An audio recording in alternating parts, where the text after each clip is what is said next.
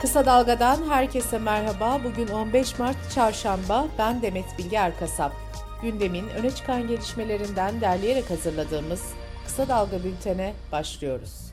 Yüksek Seçim Kurulu 14 Mayıs'ta yapılacak seçimler için takvimi açıkladı. Resmi gazetede yayınlanan takvime göre 20 Mart pazartesi günü seçmen listeleri askıya çıkarılacak. Bu listeler 2 Nisan pazar günü askıdan indirilecek. Listelere yapılacak itirazlar 3 Nisan günü karara bağlanacak. İttifak protokollerinin 24 Mart'a kadar YSK'ya teslim edilmesi gerekiyor. Cumhurbaşkanı aday listesi ise 31 Mart Cuma günü resmi gazetede yayınlanarak kesinleşecek. Milletvekili aday listeleri de 19 Nisan Çarşamba günü resmi gazetede yayınlanacak. 27 Nisan Perşembe günü gümrük kapılarında ve yurt dışında oy verme işlemleri başlayacak.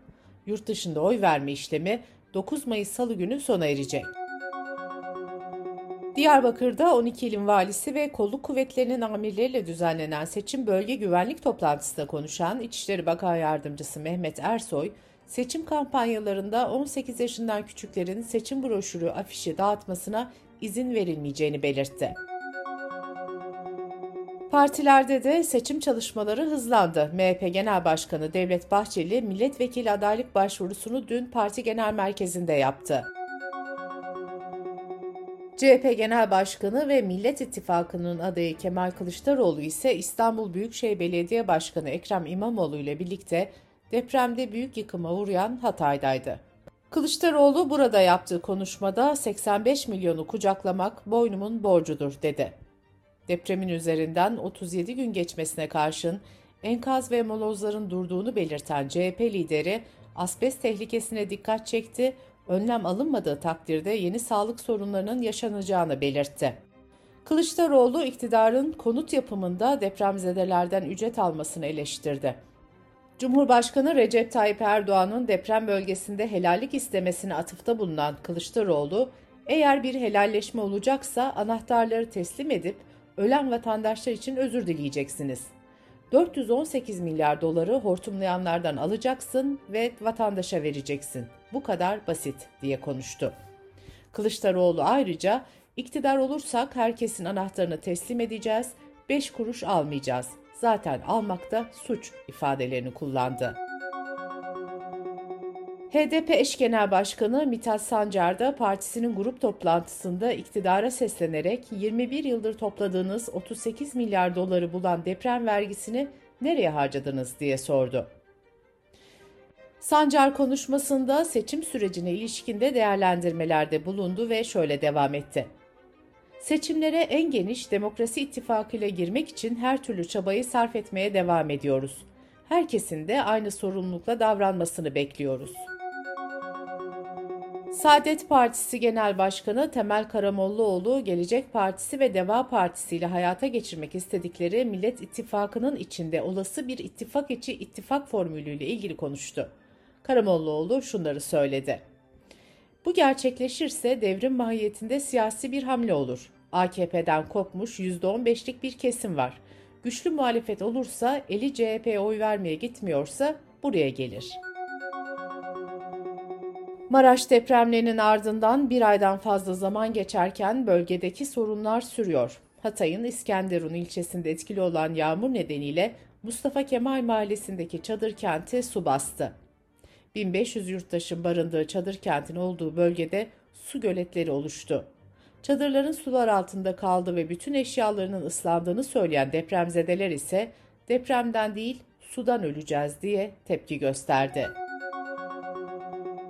Maraş merkezli depremlerin ardından çadır ve gıda sattı ortaya çıkan ve tepkilerin odağında olan Kızılay, Uluslararası Kızılay ve Kızılaç Federasyonu'nda da gündem oldu. Habertürk'ten Bülent Aydemir bu kuruluşların ticari faaliyetleri nedeniyle Kızılay'ı artık karşılıksız yardım yapan kuruluş statüsünden çıkarmaya hazırlandıklarını yazdı. Genel Sağlık İş'in 14 Mart Tıp Bayramı nedeniyle yayınladığı araştırma, sağlık çalışanlarının yarısının emekli olmayı veya istifa etmeyi düşündüğünü ortaya koydu. Araştırmaya göre sağlık çalışanlarının %75'inden fazlasının aylık düzenli iş geliri 20 bin liranın altında. Araştırmaya katılanların %81'i gündelik yaşamın devamı için borçlanmak zorunda kaldığını söylüyor. Sağlık çalışanlarının %92'si borç ödemelerinde zorlanıyor. %97,5'u ise gerekli saygınlığa sahip olmadıkları düşüncesinde. Bu arada Sağlık Bakanı Fahrettin Koca da 14 Mart Tıp Bayramı nedeniyle yayınladığı mesajında Maraş merkezi depremlerden etkilenen 11 kentte 505 sağlık çalışanının yaşamını yitirdiğini söyledi. Kısa Dalga Bülten'de sırada ekonomi haberleri var. Cumhurbaşkanı Recep Tayyip Erdoğan Avrasya Ekonomi Zirvesi'ne bir mesaj gönderdi. Erdoğan mesajında şu ifadeleri kullandı. Girişimcilerimizden hem iş yerlerine, fabrikalarına, ekmek teknelerine sahip çıkmalarını hem de ellerindeki tüm imkanları depremzedelerimiz için seferber etmelerini bekliyoruz. Maraş depremlerinden sonra yeniden gündeme gelen yapı denetim firmaları için yeni bir düzenleme geldi. Resmi gazetede yayınlanan karara göre hakkında 3 kez yeni iş almaktan men cezası verilen yapı denetim kuruluşlarının faaliyetlerine son verilecek. Rekabet Kurumu 6 Şubat tarihli depremler sonrası emlak piyasasında yaşanan fiyat dalgalanmalarını yakın takibe aldı. Kurum, olası bir kartelleşmeye karşı gereken denetim ve yaptırım mekanizmalarının işletilmesi için harekete geçti. Ankara'daki emlakçılar için ön inceleme başlatıldı. Merkez Bankası ihtiyaç kredisine yönelik örtülü üst sınır uygulamasına tutar sınırı getirdi. Buna göre ihtiyaç kredilerinde 70 bin liraya kadar olan kısım menkul kıymet tesisinden muaf tutuldu. Türkiye'nin otomobili girişim grubunun ürettiği TOG marka otomobilin siparişi 16-27 Mart'ta açılacak. Araçlar 953 bin liradan başlayan fiyatlarla satışa sunulacak. Dış politika ve dünyadan gelişmelerle bültenimize devam ediyoruz.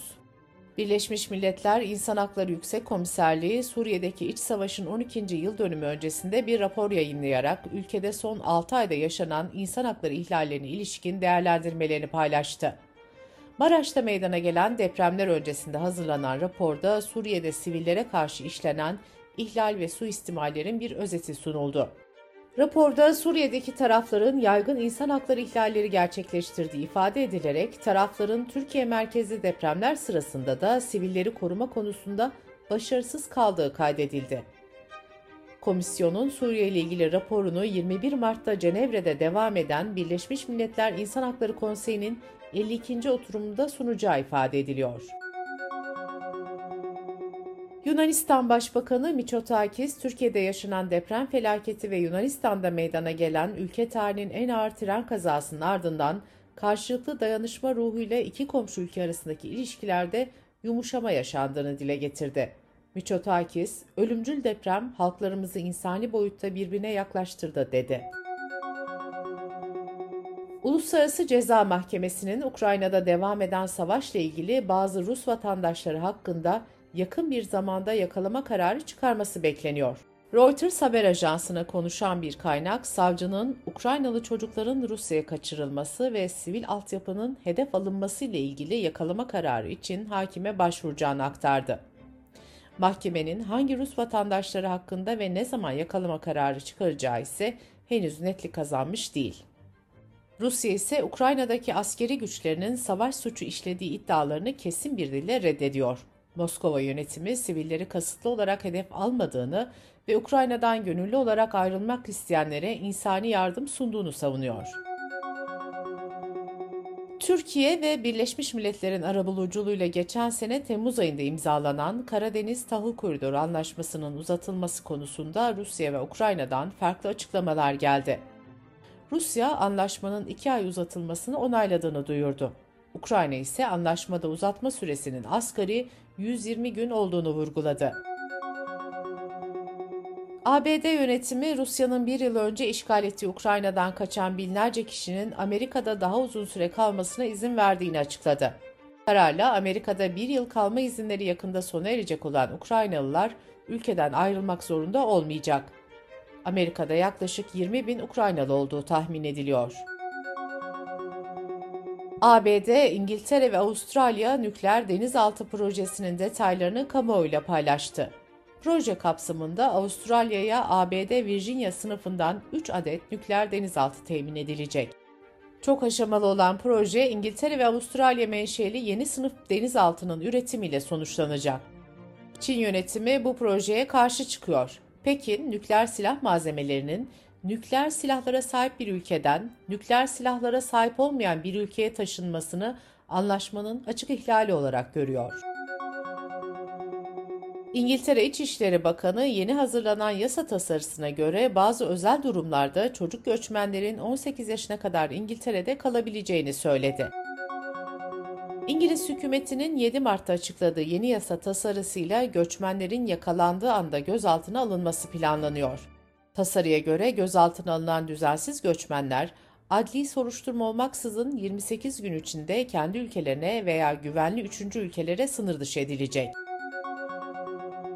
İngiltere'nin kuzeyinde 1600 yıllık bir mezarlıkta yapılan arkeolojik kazıda kurşun bir lahitte geç Roma döneminden bir aristokrata ait olduğu düşünülen kimliği belirsiz bir kadının iskelet kalıntıları bulundu.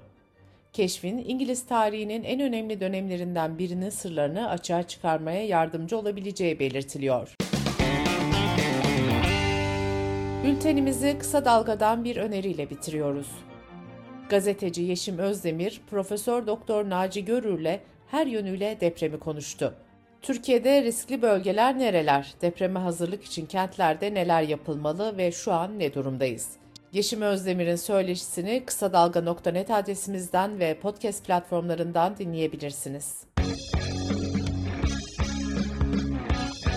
Gözünüz kulağınız bizde olsun. Kısa Dalga Medya.